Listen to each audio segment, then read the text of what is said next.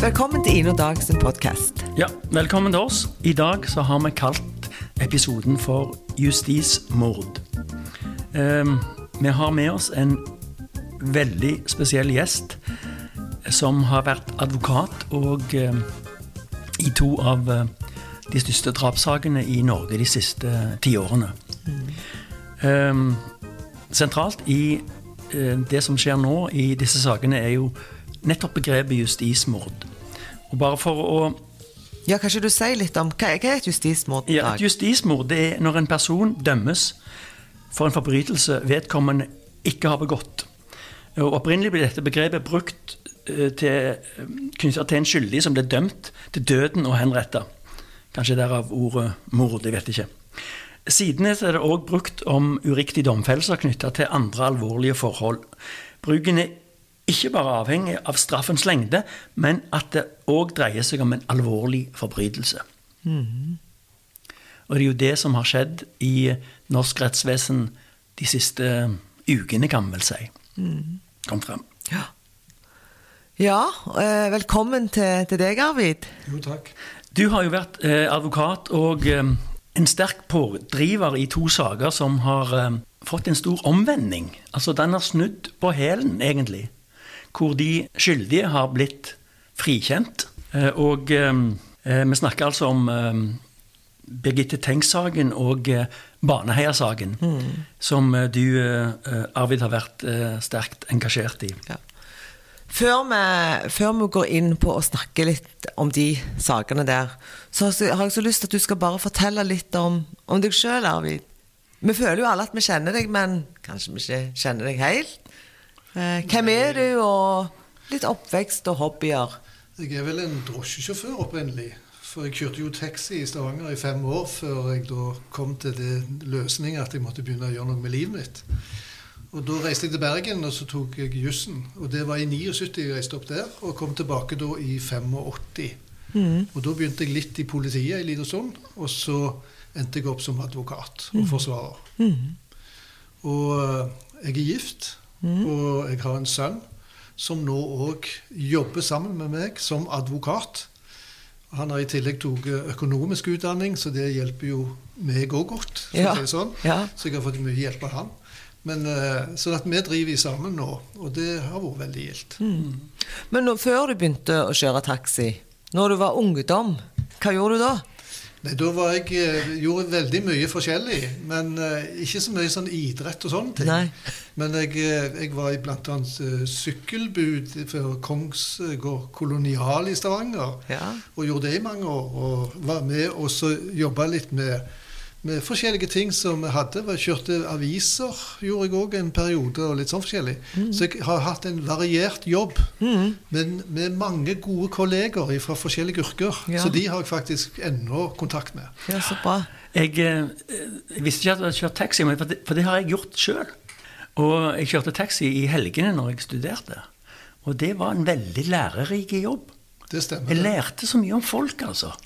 Hvordan de behandla deg. Og, og ehm, jeg lærte jo alle gatene i Stavanger, selvfølgelig. Men, men, eh, men det, det, det var en eh, Jeg tror alle skulle kjørt litt taxi en stund. Det tror jeg òg, fordi at det som er Du lærer noe. Du lærer å kunne snakke med folk. Og du lærer å kunne lytte til folk. Og veldig mange har behov for det. For det er ikke så mange andre enn drosjesjåføren de gjerne snakker med. Og, og derfor så er det å være yrke og ha, være som taxisjåfør, det er på en måte en, et yrke òg, så du er sosial med folk og tar deg av dem, faktisk. Eh, hobbyer, da? Hva er det du liker å gjøre når du ikke er på jobb?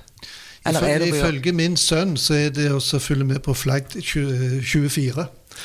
Som har, eh, nei, det, det har ikke vært tid til så mye hobbyer i de siste åra. Og det skyldes jo ganske enkelt at de da, sakene har tatt mesteparten av tida. Ja. Men når du skal kose deg og slappe av, hva gjør du da? Det som jeg har ofte gjort, det, og der er meg og min kone veldig like, og det er det at vi liker veldig godt å reise. Ja. Og det kan være innenlands. Og da reiser vi gjerne til Nord-Norge eller andre steder der er nydelig natur og kan gå tur litt, og litt sånn forskjellig. Eller vi reiser til Asia, der vi har vært i mange land og fått opplevd kulturen. Eller i det som vi har hatt som det kjekkeste, det har vært Sveits og Østerrike på sommeren. For ingenting er kjekkere enn å være der på de dagene der. Mm. Jeg var i Sveits i sommer. Gikk rundt i um, 4000-5000 meters høyde og hadde det helt fantastisk. Ja. Det er der du bestiller hotellrom, og så går du inn på Google Maps, og så skriver du adressen, og så finner ikke bilen veien. Så må du ringe til hotellet, så får du beskjed om at nei, den ligger på 3000 meters høyde, du skal kjøre til den og den taubanen, og så kommer du opp. Så du lærer litt etter hvert. der. Ja. Og så du, eh, endte du opp som strafferettsadvokat, og det er jo det du har jobbet som nesten hele advokatkarrieren. Ja, i hovedsak så har det vært det, men jeg hadde veldig mye asylsøker og sånne ting i starten. At eh, det, For i den tida så var det veldig mye uro i enkelte land. Og da kom de til Norge, og de trengte hjelp. Og de tok meg hjelp. Nå skal vi snakke om om Vi har jo to deler i denne podden. En er Baneheia-saken, og det andre, andre er Birgitte-saken på Karmøy. Baneheia-saken er jo en av norgeshistoriens mest omtalte drapssaker. Um, Baneheia er et turområde rett utenfor Kristiansand sentrum. Og klokka halv åtte den 19. mai 2000, altså 2000, så ble to unge jenter voldtatt, knivstukket og drept mens de var på en badetur. I 2002 så dømte Agder lagmannsrett Viggo Kristiansen til 21 års forvaring med 10 års minstetid. Og Jan Helge Andersen til 19 års fengsel. Og når den dommen ble sagt, så tenkte vel folk at ja, det var det. Men det var jo ikke det. Nei, det var ikke det. Og den gjenåpningsperioden den begynte jo i 2008.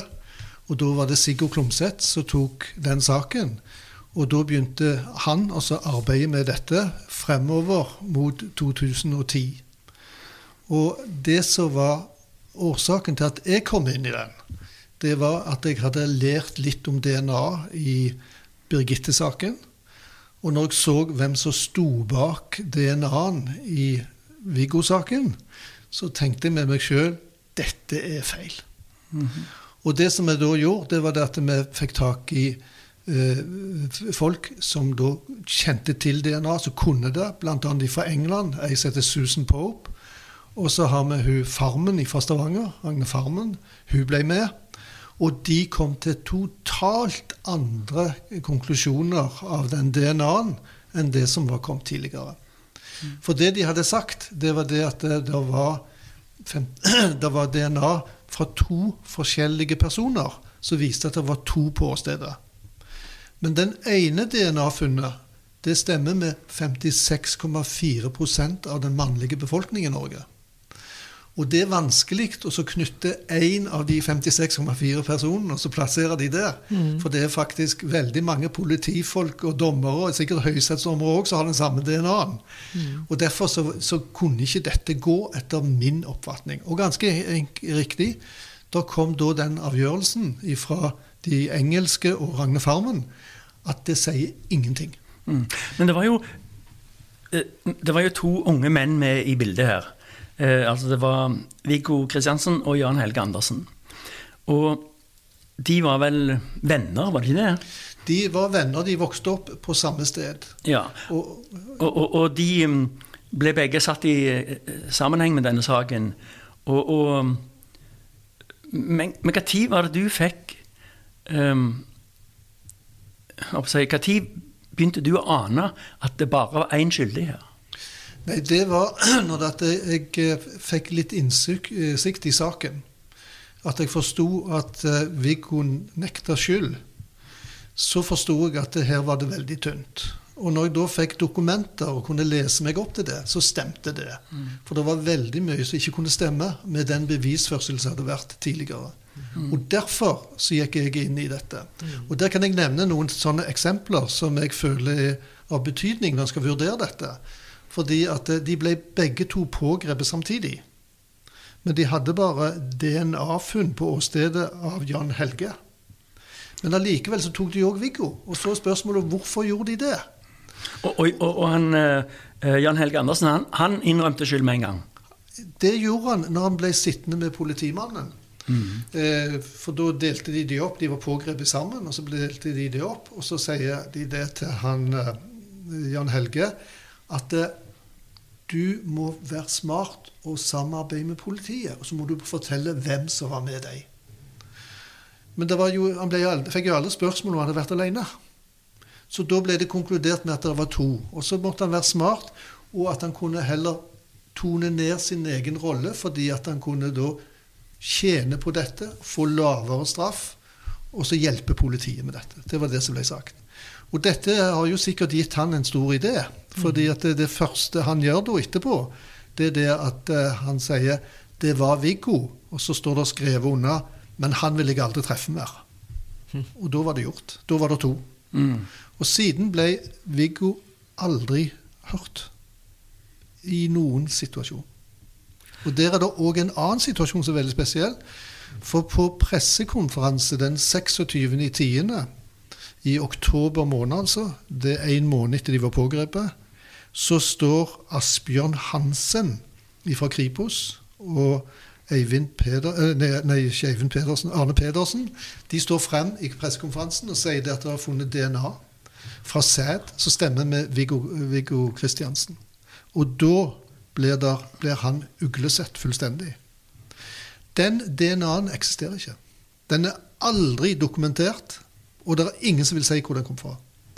Og Derfor så har den ligget som et mareritt for oss som har jobba med saken, for å finne ut hvorfor i all verden sier de dette. De sa altså at det var DNA eller sæd fra en eh, på et eller annet sted rundt offeret. Eller ja, ja, ja. Men Så det- det det, det sa de ingenting om hvor det var funnet, Nei. men det var funnet DNA fra sæd som stemte med åstedet handling. Det var det de sa. Og det stemmer ikke. Mhm. Og det har aldri vært. Så det er derfor vi nå jobber med Spesialenheten med tanke på den etterforskningen som de har gjort. For eh, der må de få med seg sånne detaljer, og noe de ikke har gjort til nå. Mm. Jeg, vi har vel mange sett at det blir begått en forferdelig forbrytelse. Og så kommer det en advokat, for alle har jo rett til en forsvarer i Norge. Heldigvis. Og så tenker jeg stakkars advokat skal forsvare han, for det er jo klart at denne personen er jo åpenbart skyldig. Og, så, og du levde vel i den boblen ganske lenge, som han som prøvde å forsvare en som helt klart var han skyldig. Alle vet jo det. Det var nok det som var allmennhetens oppfatning om dette. Og det la jeg merke til, fordi jeg fikk jo telefoner fra journalister som ble litt interessert. Og når du kom frem til redaksjonen deres, så var det plutselig det at nei, ledelsen har sagt vi skal ikke blande oss opp i denne saken. Sånn at det, det var så mye negativt at du aner det ikke. Og du ble utskjelt på sosiale medier. Og du ble utskjelt av de pårørende. Og du ble uh, satt i en posisjon som var veldig vanskelig. Men jeg tenkte med meg sjøl jeg skal aldri gi meg, og det gjorde jeg ikke. Nei, for jeg, jeg, gjerne, Det er gjerne litt sånn vanskelig spørsmål, men, men klart at når du da er strafferettsadvokat for, ja, straff, advokat innen strafferett, så vil jeg jo tro det, Arvid, at gjennom ditt lange yrkesliv så har du sikkert òg eh, forsvart noen som faktisk har begått drap. Eh, Helt åpenbart. Ja. Jeg har gjort det mange ganger. Ja. Og det som er poenget, Ja. er at de har òg krav på en forsvarer. Ja, ja, ja, og, og det er helt greit, og det, det følger jeg på, følger jeg deg på. Men hvis de da sier til deg da Nei, men jeg har ikke gjort det. Men så, så vet du at her du, du har fått masse beviser. Er, er, hva slags advokat er du for klienten din, da? Er du, nei, nå skal vi jo gå for frifinnelse, eller sier du her er det så mye bevis at her gjør du nok lurt i å kanskje innrømme? Jo, men jeg, jeg presser ikke noen til å innrømme. Jeg. Hvis vedkommende vil ønske at retten skal avgjøre spørsmålet, Ja. så blir min jobb å være hans talerør. Min klient hevder at, og slike ting. Mm. Og det har jeg gjort mange ganger. Og noen ganger har det gått over all forventning òg. Mm. Men noen ganger, så, så de aller fleste ganger, så blir de dømt Mm. i, i sånne situasjoner. Men med Viggo, helt fra du kom inn i den saken, så har du alltid visst at her er det en gutt, han var jo, var jo gutt den gangen, eh, som sitter uskyldig dømt. Jeg har alltid visst at han var uskyldig på bakgrunn av den måte som den saken var bygd opp på. Det jeg kunne lese igjennom det, var ikke nok til å dømme noen eller oppfylle bevisspørsmålene. Um, Husker du første gang du traff Viggo Kristiansen? Ja, det husker jeg. Hva, hva, hva kan du fortelle om det møtet? Det- Ja, så jeg kan eh, nevne at eh, i 2011, like etter Utøya, så var jeg oppe på Ila. Og da går jeg inn i gangen der besøksrommene er. Og da møter jeg en som kommer gående imot meg og smiler og greier. Tar meg i hånden, og så sier han Arvid, nå må du gratulere meg, sa han. Hva da, for seg? Jo, for nå er jeg bare nummer to. Og da viste han til at Breivik satt i etasjen over. Og det var første møte jeg hadde med Viggo. Men det er sånn han er. Han er en utrolig fargerik og veldig grei og kjekk kar. Mm. Du nevnte litt om medienes rolle. Du snakket om, om, om avisredaksjoner. Og eh, har du Hvordan vil du føle at mediene har behandla den saken sånn totalt sett? Eh, mediene var veldig vanskelige i saken i, i starten. Det var ingen som ville skrive om det. det, det var, de følte seg liksom litt for gode til å begynne å ta de ordene. Og det var da jeg fikk med meg Terje Helland, som er her fra Stavanger.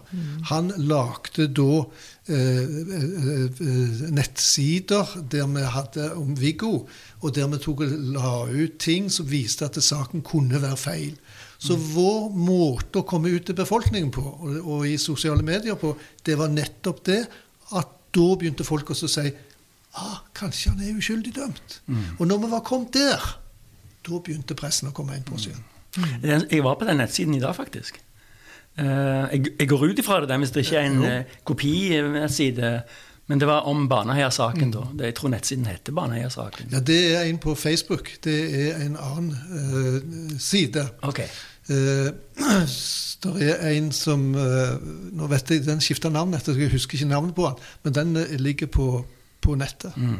Den andre ligger på Facebook. Men nå har, nå har altså Viggo Kristiansen vært innesperra i 21 år. Eh, hva gjør det eh, hva, altså Selvfølgelig, det er jo Ingen av oss klarer jo å forestille hvordan det er å være så lenge i fengsel. Men du har jo kjent han i mange av de årene. Og, og har du har, har han blitt forandra seg underveis? Og, og, og hva, hva har dette oppholdet gjort med han? Jo, altså Han var veldig heldig fordi at han fikk Som forvaringsdømt så får du bistand fra psykolog. Og han hadde psykolog Austad med seg, som da hjalp han i starten og lærte han å tenke og, og få disse tingene med. Og det som skjedde, var jo at, at Austad begynte jo å fatte mistanke om at her er det noe galt, at dette kunne ikke stemme. Så han tok jo da også og, og meldte fra at eh, han trodde at han var uskyldig. Og det resulterte i et voldsomt rabalder blant politikere fra Kristelig Folkeparti og andre, som mente det at han var uverdig som psykolog, siden han ikke kunne ta vare på han som var skyldig, siden han trodde han var uskyldig. Og dette endte opp i en masse styr i forhold til det, og var, gjorde det veldig vanskelig. Men det som skjedde, var at eh, i den eh, fasen her så lærer Viggo ifra å bli sint fordi at han er, sitter uriktig i fengsel, så lærer han å takle det. Og han blir en veldig god mann for de andre innsatte. Som en så, når, de, når de grein og kom inn til han og hadde det vondt, så kunne han gjerne lage ei eplekake. Altså, eh, altså sånn, Den måten også å takle det på. Sånn at jeg husker Den dagen han ble løslatt, så fikk jeg så mange telefoner fra andre innsatte som ringer og så må hilse til Viggo, at jeg tror ikke jeg husker halvparten av navnet. for å si det sånn. Hvordan Vær så god, Dag.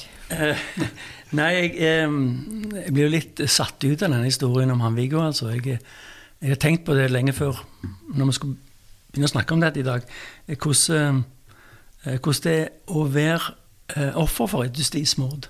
Og, og hvor bitter det går an å bli. Og, og det, det er jo nesten en slags Det er jo nesten ikonisk å ta det positivt. Og, og altså gå inn i den situasjonen. Så noen har, de har dømt deg, de har frarøvet deg din frihet så lenge, og så klarer du å si 'Dette skal jeg ta. Uh, dette skal jeg ta. Dette skal jeg ta vare på. Jeg skal ta vare på meg sjøl'. Ja da. Og det som var spesielt med han, det var jo det at han var dømt til forvaring. Og det gjør at du får ikke fri. Altså du, du kan få en biltur hjem til Kristiansand, men du må snu og kjøre opp tilbake igjen en gang. At du må melde deg på veien til politiet og, og sånne ting. Så det er så knallhardt. Og det er så forferdelig. Så du får ikke permisjon og sånn? Nei, det finnes ikke. Og det har vært en eh, forferdelig belastning. Men dette går jo utover foreldrene òg. Og det er jeg så imponert av de foreldrene hans. fordi at i alle disse årene, hver tredje helg, så har de satt seg i bilen i Kristiansand, kjørt til Ila, overnatta en natt på hotellet der, og så kjørt tilbake igjen. I alle de årene har de gjort det. Og de har tatt seg av Viggo. Og der har òg resten av familien vært veldig fine, fordi at de har tatt opp og passet på og besøkt han og alt sånn.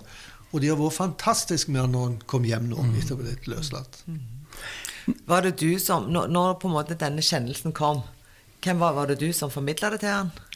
Det var ikke eh, jo, nei, kjennelse? Når, når, når, når, ble, gjenåpningen kom. Ja. Det kunne ikke jeg gjøre, for jeg lå på sykehuset.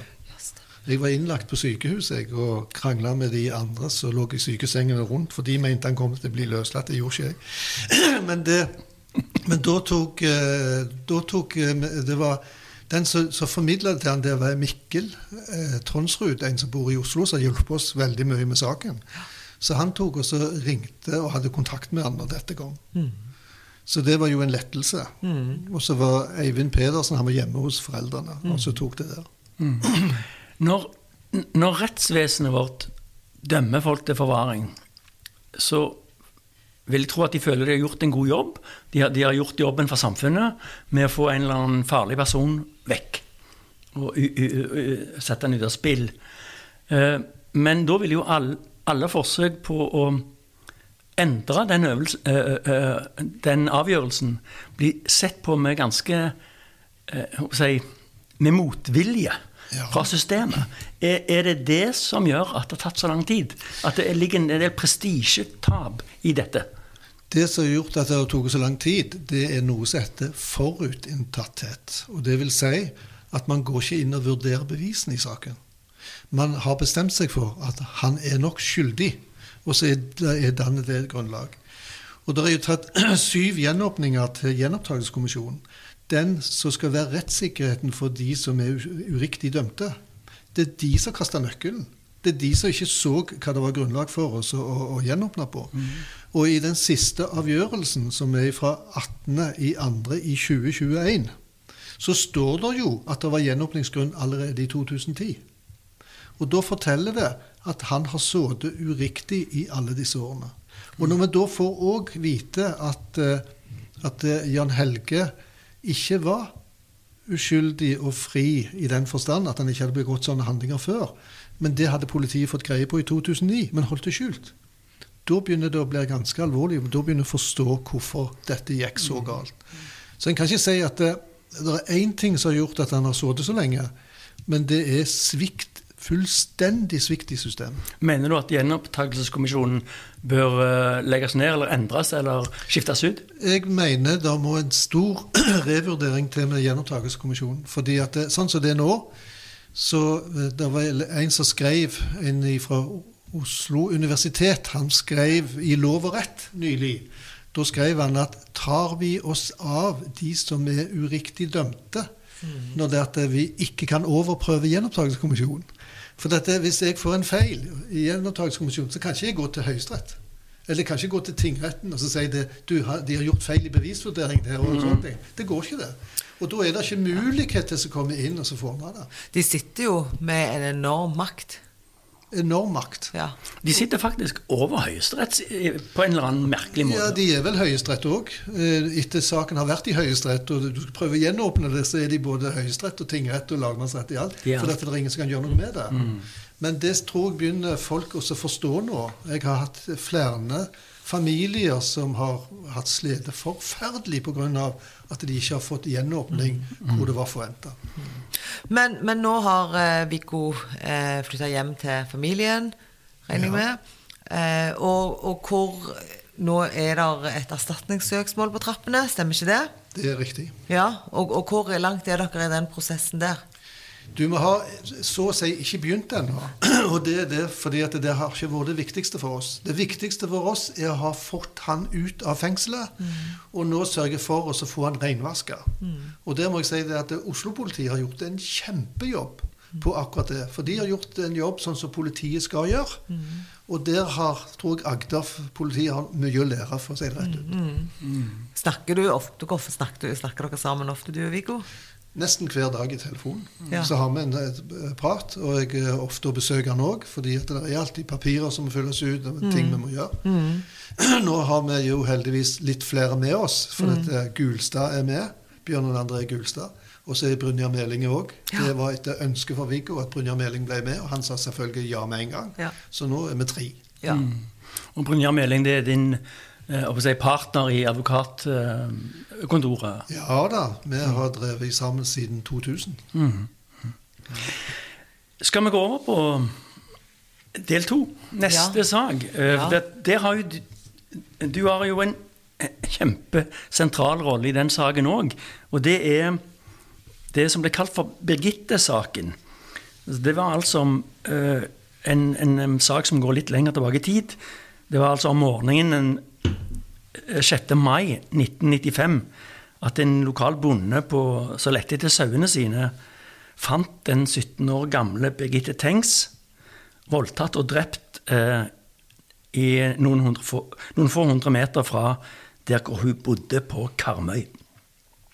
I første omgang så fant de ikke noe gjerningsmann, men i 1997 ble en fetter av offeret tiltalt for drapet, og han ble dømt til 14 års fengsel.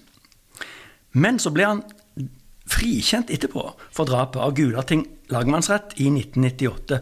Men denne retten opprettholdt erstatningsdommen, altså en erstatning til Birgitte Tengs sine foreldre. Arvid, hva er som er forskjellen og likheten mellom disse to sakene? Altså, Det er en veldig stor likhet i at det er politifeil som gjør at du blir dømt. Og så I begge sakene så er det total svikt i DNA-forståelse. Eh, I Birgitte-saken så var det slik at man tidlig gikk inn for at langt hår i hånden til avdøde var gjerningsmannens hår.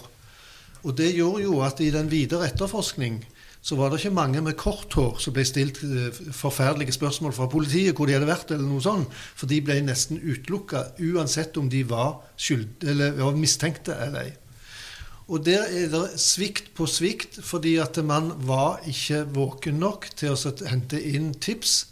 Det kom tips på tips fra eh, området fra Skudnes og opp til Karmøyna, som ligger i sakens dokumenter, der de viste til personer som var aktuelle, og andre som da kunne ha vært borti dette. Mm. Og, og, så der er det en voldsom svikt i systemet. Og der kan jeg bare nevne at han som nå står uh, tiltalt jeg vet jo ikke om han blir funnet skyldig eller ei, bare for å presisere det. Ja, For de har funnet en ny, tiltal, eh, ja, en ny person? Ja, Rettssaken starter nå i neste uke? Ja, det stemmer. Mm. Den 7. november mm. starter den. Det som jeg vet, er at, det, at, at Grete Strømme, som da jobber som politisekretær i Haugesund, hun skrev jo en 30 siders rapport om nettopp han som nå er Eh, er tiltalt. Fordi at hun mente politiet måtte sjekke han. Og Når gjorde hun det? Det gjorde hun i 1996. Et år etter drapet? Ja. Jeg kom inn i 1997 i, i, saken, og jeg fikk aldri vite om den rapporten. Jeg visste ingenting. De holdt vekke 22 ringpermer med vitneavhør når jeg kom inn i den saken. Så det var en veldig spesiell situasjon. Og det de visste, politiet, de visste at de hadde ikke bevis. For det fantes ikke noe bevis å knytte han til, til, saken. Så derfor så måtte de få en tilståelse. Du tenker fetteren nå? Ja. Og derfor så satte de absolutt alt inn på en tilståelse. Mm. Så han ble jo da sittende. Jeg var i Stavanger. Jeg visste ikke engang hva han var inne i avhør engang. Jeg visste svært lite, og jeg satt aldri i den tiden i avhør med klienter. Og det var fordi at dette var før de nye reglene kom. De kom jo pga. Birgit-sakene. Men det som da skjedde, var at han satt jo der hele tiden. Og jeg lyktes jo å få ut dagbøkene til politifolka. Og der står det at eh, de forteller han Vi vet du har gjort det. Vi kan bevise det, men du husker det ikke selv. Og når du sitter isolert Mm. Sa, sa de det? De sa det gjentatte ganger hver dag. Og etter Jeg forsto jo ingenting, for etter fem, seks, syv dager så kommer han til meg med en lapp. Og der står det på ekte juridisk språk så sto det på den lappen 'Jeg har forvoldt Birgitte Tengs død', sto det. Forvoldt det er jo et juridisk uttrykk av de største, men da trodde han at han hadde gjort det, men han ikke huska det. Og politiet sa 'vi vet du har gjort det, men du husker det ikke selv'. Ja. Vi vet du har gjort det, vi kan bevise det, men du husker det ikke selv. Og dette står òg nedskrevet i dagbøkene. Hva Det er jo helt forferdelig. Ja, men det er forferdelig. Og det resulterte i at han ble så banket opp i hodet at han trodde rett og slett at han hadde gjort det. Og når, når vi kom ut av dette, vi kom ut av de første avhørene og dette her Jeg jo, jo- ga jo inn, intervju til, i Stavanger Aftenblad og fortalte det at, eh, at eh, han var letta for han hadde fått tilstå. For jeg trodde jo han var skyldig. Og han sjøl trodde han var skyldig. Men så sitter vi i Bergen på fengselet. For han ble flytta til Bergen fengsel. Og jo mer og mer jeg begynner å snakke med han, så begynner jeg å forstå at han ikke forsto hva han hadde vært med på. Og at han ikke huska det. Og så forteller han meg det at eh, han hadde fått beskjed av politiet at hvis han ikke tilsto, så ville han aldri få sove mer. Fordi at han ville våkne hver eneste natt med marerittet. Og det er da han begynner, at jeg begynner å spørre han, hva, mareritt er det du har? Jo, sa han. Jeg står i gågata i Kopervik, og så kommer alle som bor i Kopervik, gående mot meg, og de sier Du har drept Birgitte, du. Du har drept Birgitte, du. Men så står Birgitte på sida av meg, så sier hun Nei, han har ikke gjort det, nei, han har ikke gjort det. Og så brøt han i sammen. Og når du sitter med en innsatt på den måten der, altså, så begynner du å tenke. Og så begynte jeg å lure. Hva i all verden er som har foregått her? Og da kjørte jeg rett til Haugesund. Så ba jeg om å få noe som de kalte for nulldokumenter. Og da fikk jeg altså henta 24 ringpermer med vitneavhør og, og bevis som de hadde holdt utenfor hovedbevisene. Som da ga veldig mye svar på, på dette. Altså, jeg er nesten helt målløs, altså. Dette er helt forferdelig. Men, men jeg, jeg vil Vi har jo alltid Vi har jo sett eh, hundrevis av sånne eh, krimserier hvor politiet blir veldig sånn sure og leie hvis de ikke finner den skyldige. De må finne den skyldige, og de har svære tavler med eh, ledetråder og greier de holder på å jobbe. Og det må jo være veldig behagelig å finne en skyldig. For da har du akkurat gjort jobben din. Og hvis, du, hvis det går og går og går, og du ikke klarer å finne en skyldig, da begynner jo folk å se på deg, da.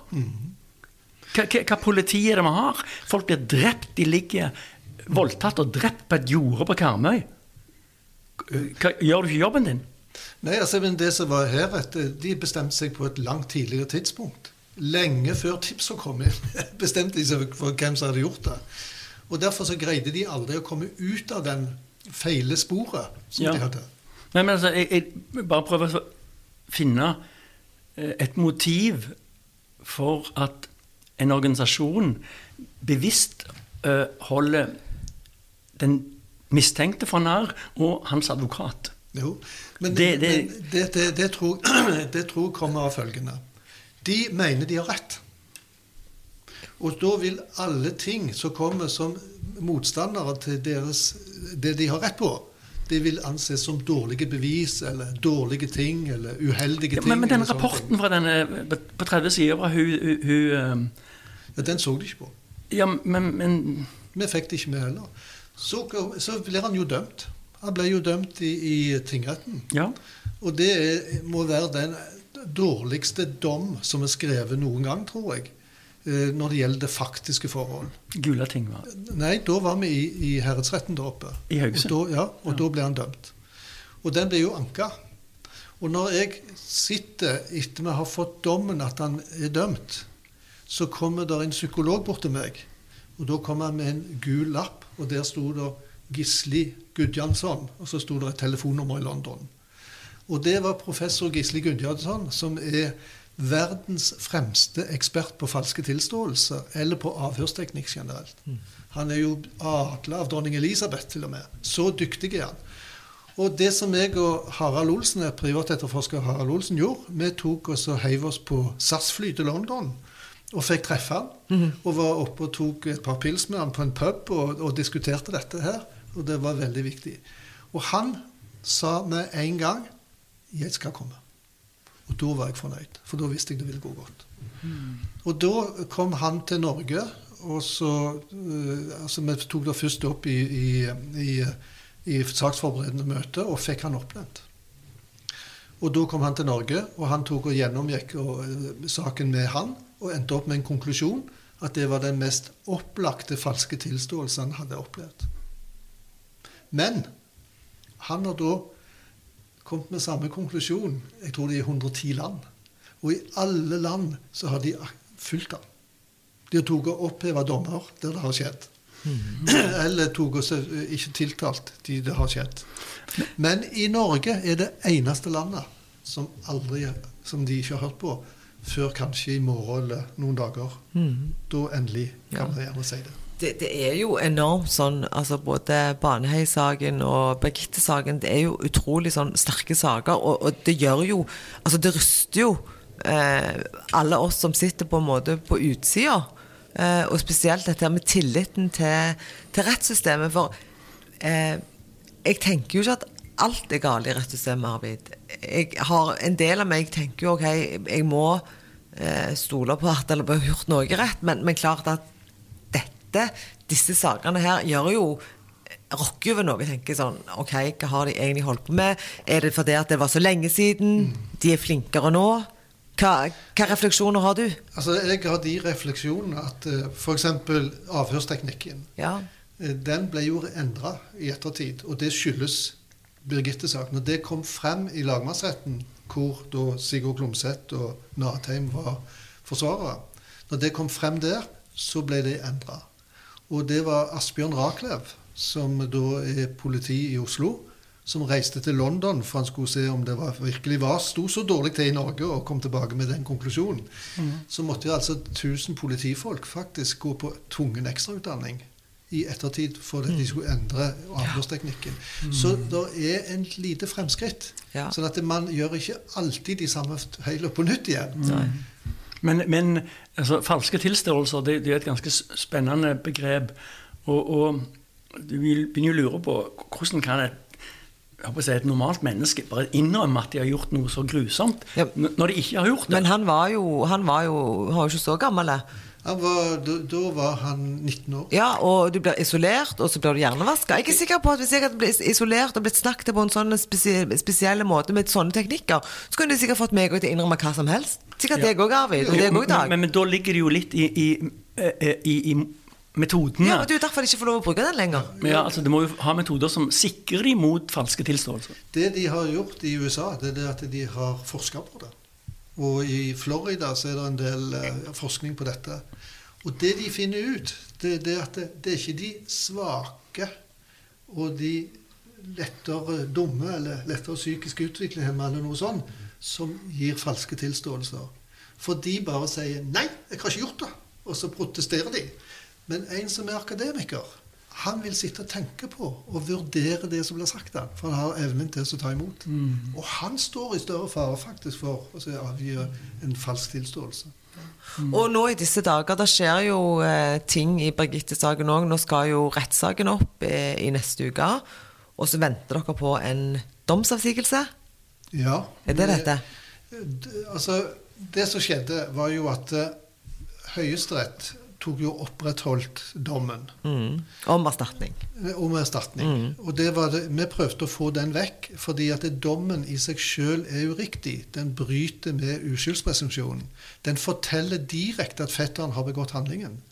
Og det betyr at han, som har en av Europas beste økonomiutdanninger, får ikke jobb i Norge.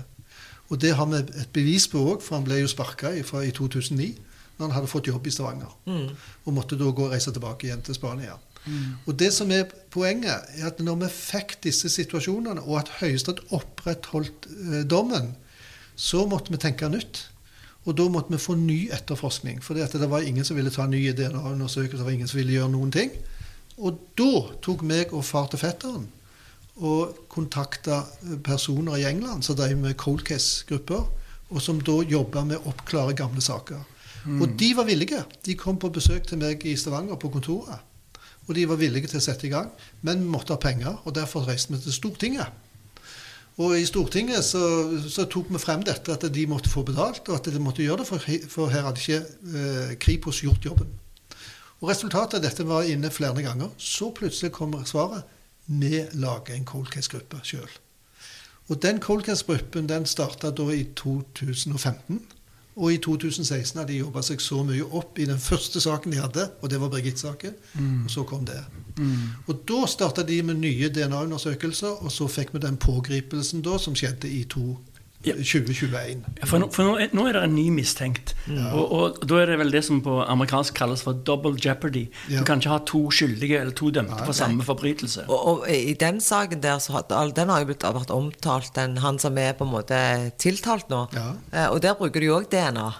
Der mm. bruker de DNA, og der bruker de en spesiell form for DNA. Mm. Det er eh, noe som heter Y-kromosom, som finnes hos menn. Mm. Og det har de da funnet på strømpebuksen til Birgitte.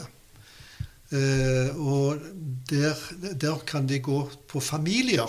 Altså alle, alle, menn i familien har den samme, men ikke her. For her har sakkyndige sagt at det har skjedd en mutasjon. Så det er kun én som kan ha avsatt den, ifølge det som står i i, i, de eh, dokumentene som eksisterer da. Eller i pressen òg har det blitt omtalt der. Og Derfor så, så, skal det bli spennende å se hvordan det blir mottatt av domstolen og pressen når de står i retten nå og prosederer på det. Skal du reise opp og, og høre på? Nei, det skal jeg ikke. Men det har jo blitt det, det er jo, uh, Dette blir vel Dette blir vel tolvte gang at dette blir prøvd. Ja. Uh, uh, altså de, Høyesterett har jo eh, avvist elleve ganger. Ja. Nå er dette tolvte gang. Ja. Og nå venter vi, nå er det bare timer eller dager om Altså, Vi har fått avvisninger hele veien. Det, men det skyldes jo at uh, første gang saken var i Høyesterett i 2003, når vi skulle gjenåpne den erstatningssaken, så forsvant fire ringpermer med bevis og dokumenter, og de leste ikke prosesskrivet.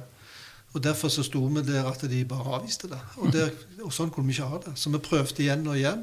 Men så hadde du disse fristene da. Så hver gang fikk vi beskjed om nå er du for sein. Mm. men vi hadde jo vært tidsnok hele tiden. Så, men nå er det løst, og det skyldes at man har forstått hva konvensjoner sier. Mm. Men, men, jeg lurer jo på det, Arvid. Dette er jo ikke en sa, altså, saker som har vært over på et år. Dette her, her har jo pågått i mange, mange år. Uh, og du har mange ganger sagt nei, nå skal jeg slutte som advokat. men, men eh, nå er du jo uh, på vei inn i en ny sak, er du ikke det? Eh, Orderud-saken? Jo, jeg fikk en del henvendelser fra Per Orderud og fra Tore Sandberg. Ja. Som jeg for øvrig har hatt en god del saker sammen med før. Mm. Og til slutten så klarte jeg ikke å si nei lenger.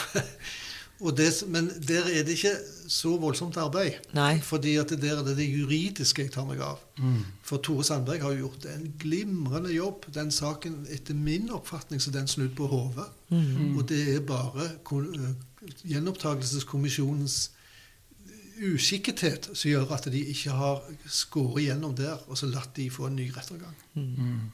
Er, er, det sånn at liksom når, når man uh, men jeg tenker jo alltid altså når, når man har store, prestisjetunge saker, at det er sånn at da blir du ringt ned, og alle vil ha deg til forsvarer. Jo, det, det, sånn? det, begynner klokka Det begynner ca. klokka åtte om morgenen. Ja. Og da er det telefoner som jeg ser kommer fra fengsel. Ja. Og så er jeg jo ikke sikker på om det er mine klienter som sitter inne, men Nei. da er det en fra Bodø eller en fra Tromsø eller et eller annet som dukker opp, og så vil at jeg skal ta deres sak òg. Og da sitter mange som er uriktig dømt ja. i fengslene. Og jeg forstår de veldig godt. Ja.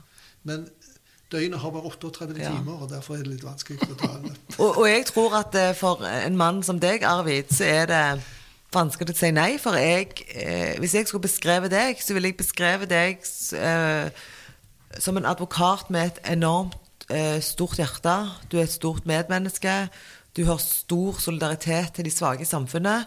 Så det må jo sikkert være ekstremt vanskelig av og til å si nei, for egentlig så kjenner du at du bare har lyst til å, å hjelpe. Jo, og det er noe du har, men det er noe du har med deg fra jusstudiet òg, det. Fordi at når jeg gikk ut fra studiet, så måtte jeg avlegge ed, og det var at du skal bekjempe urett med rett. Og det tok jeg og avla ed på når jeg gikk ut der, og det har jeg tatt med meg. Ja. For det tror jeg er viktig. Er det en ed, altså? Ja da. Akkurat som hippokratisk ed for legene? Ja, det stemmer det. Akkurat. Og det må vi ta i, med oss når vi, når vi går ut. Men jeg tror det er veldig mange advokater som har større ed til økonomi. Mer enn det. Fordi at eh, jeg er skremt mange ganger når jeg ser saksomkostningsavgjørelser og sånn blir lagt fram. og litt sånn forskjellig. For der er ikke jeg.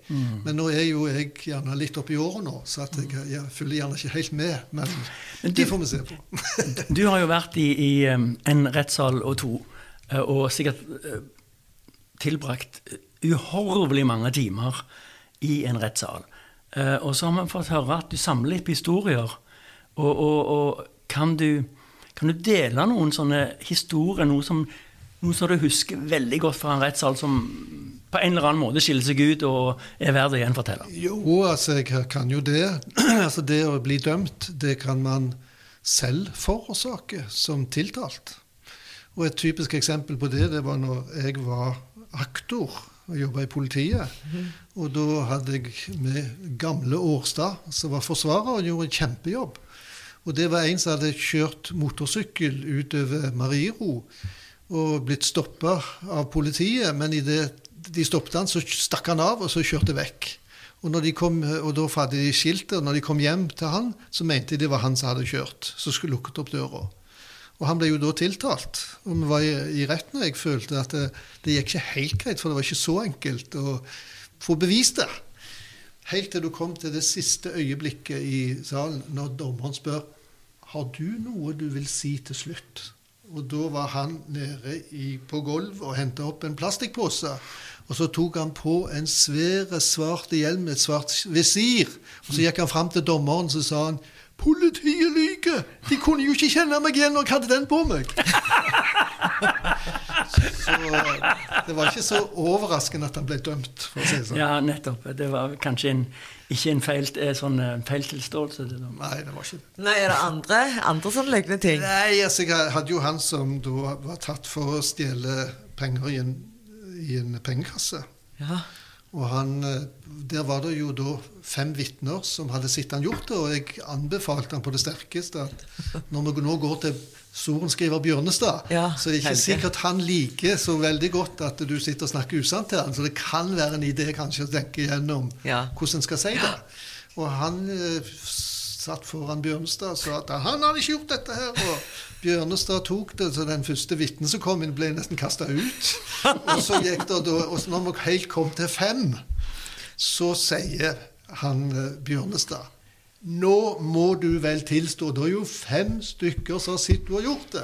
Og da reiste han seg, slo hånda i bordet og sa fem stykker, hva faen er det? Jeg har skaffa hundre som ikke har sett noen ting. Så, så dette er sånne ting du opplever i retten. ja, ja. Men det det, det er- syns jeg er fargerikt. Er Ja. er. Er det noen, eh, er det noen klienter noen ty Er det noen du aldri ville blitt forsvarer for? Som prinsipielt eh, Ja, jeg har trukket meg jeg, i, i saker. Og det er typisk eh, overgrep mot barn, Okay. hvor de tilstår, men de vil ikke tilstå for, tilstå for meg, men de vil ikke tilstå for retten. Okay. Da tar ikke jeg de sakene. Da skriver jeg brev til retten med at 'jeg ber meg entlediget', står det står. Dette blir fint. Akkurat. Og det har jeg gjort en del. Du, jeg, jeg klarer ikke å dy meg. For jeg, altså, du har begge disse sakene vi har snakket om i dag, altså både um, Birgitte Tengs-saken og Baneheia-saken, har du brukt en del timer på. Uh, hvordan, hvordan blir du honorert? Hvordan, og hvem betaler deg? Nei, altså nå uh, Er det et følsomt spørsmål? Nei, altså jeg kan godt fortelle sannheten på det. Det som er problemet, er at i Norge så er det kun bistandsadvokater som får betalt. Sånn som John Christian Elden, f.eks., som har da jobba i så mange år med Birgitte-saken, og anka når vi har fått medhold og alt sånt, og dratt ut i lange tider, han har fått betalt hele tiden. Jeg har knapt fått noen ting. Og det samme er med, med den Baneheia-saken. Der er det òg to bistandsadvokater. De som river ned det vi bygger opp, det er de som får betalt. Og dette vil jo medføre enorme kostnader for vårt finansdepartement, som nå ber alle være veldig forsiktige. Men jeg skal love deg, vi skal ikke være forsiktige når vi går der nå. Nei. Det, du snakker om erstatning nå. Ja, Nå snakker jeg om, om saksomkostninger og, og dekning av det. Jeg vil jo endelig håpe at du får det du har fortjent, og, og enda mer. Ja, men, men, men jeg tenker jo at det jeg trodde Altså, hadde Arvid eh, Hvis det var pengene som drev Arvid, så hadde jo han holdt på Da hadde du jobbet på en annen måte. Da Da, hadde da du, hadde jeg vært skatterettsjurist. Ja. Ja, men, men du må jo ha noe å leve av. selvfølgelig Men- men, men i dette tilfellet Han skal jo dra til Sveits og Østerrike. Han må jo ha penger til det. Nei, jeg leste jo intervjuet av deg, Arvid. Det det var vel i Aftenbladet at eh, nå skulle du spare penger, så du og kona di kunne dra på første klasse med eh, Thai Airways. Nei, med Qatar Airways. Qatar Airways, ja. Ja. Qatar er ikke det de skal ha fotball i? Jo, det er Jo samme. da, sånn det, Ja. Men de lander i Doha, så bytter du fly. Så det, men det syns jeg er et fantastisk flyselskap å fly med. ja. Og det, eh, så det, det gjør godt. Som eh, den ivrige lytter eh, kanskje har oppdaget, så begynner vi å nærme oss slutten på dette. Og jeg vil bare si det har vært fantastisk fint å ha deg her, Arvid. Og, og eh, jeg hører mye som jeg ikke ante om disse to sakene. Jeg trodde jeg kjente de ganske godt. Men det er jo sikkert mye mer enn dette òg, som ligger mellom permer og eh, inn i hovene på folk, Ja. som kanskje aldri vil komme fram. Det var jo sånn når, når vi stod der og snakket, og så har jeg sett på Dag, for han ble egentlig vært ganske sånn aktive. Så han ble sånn stillere og stillere, og mer og mer tenkende. Er det sånn det her? Går det an?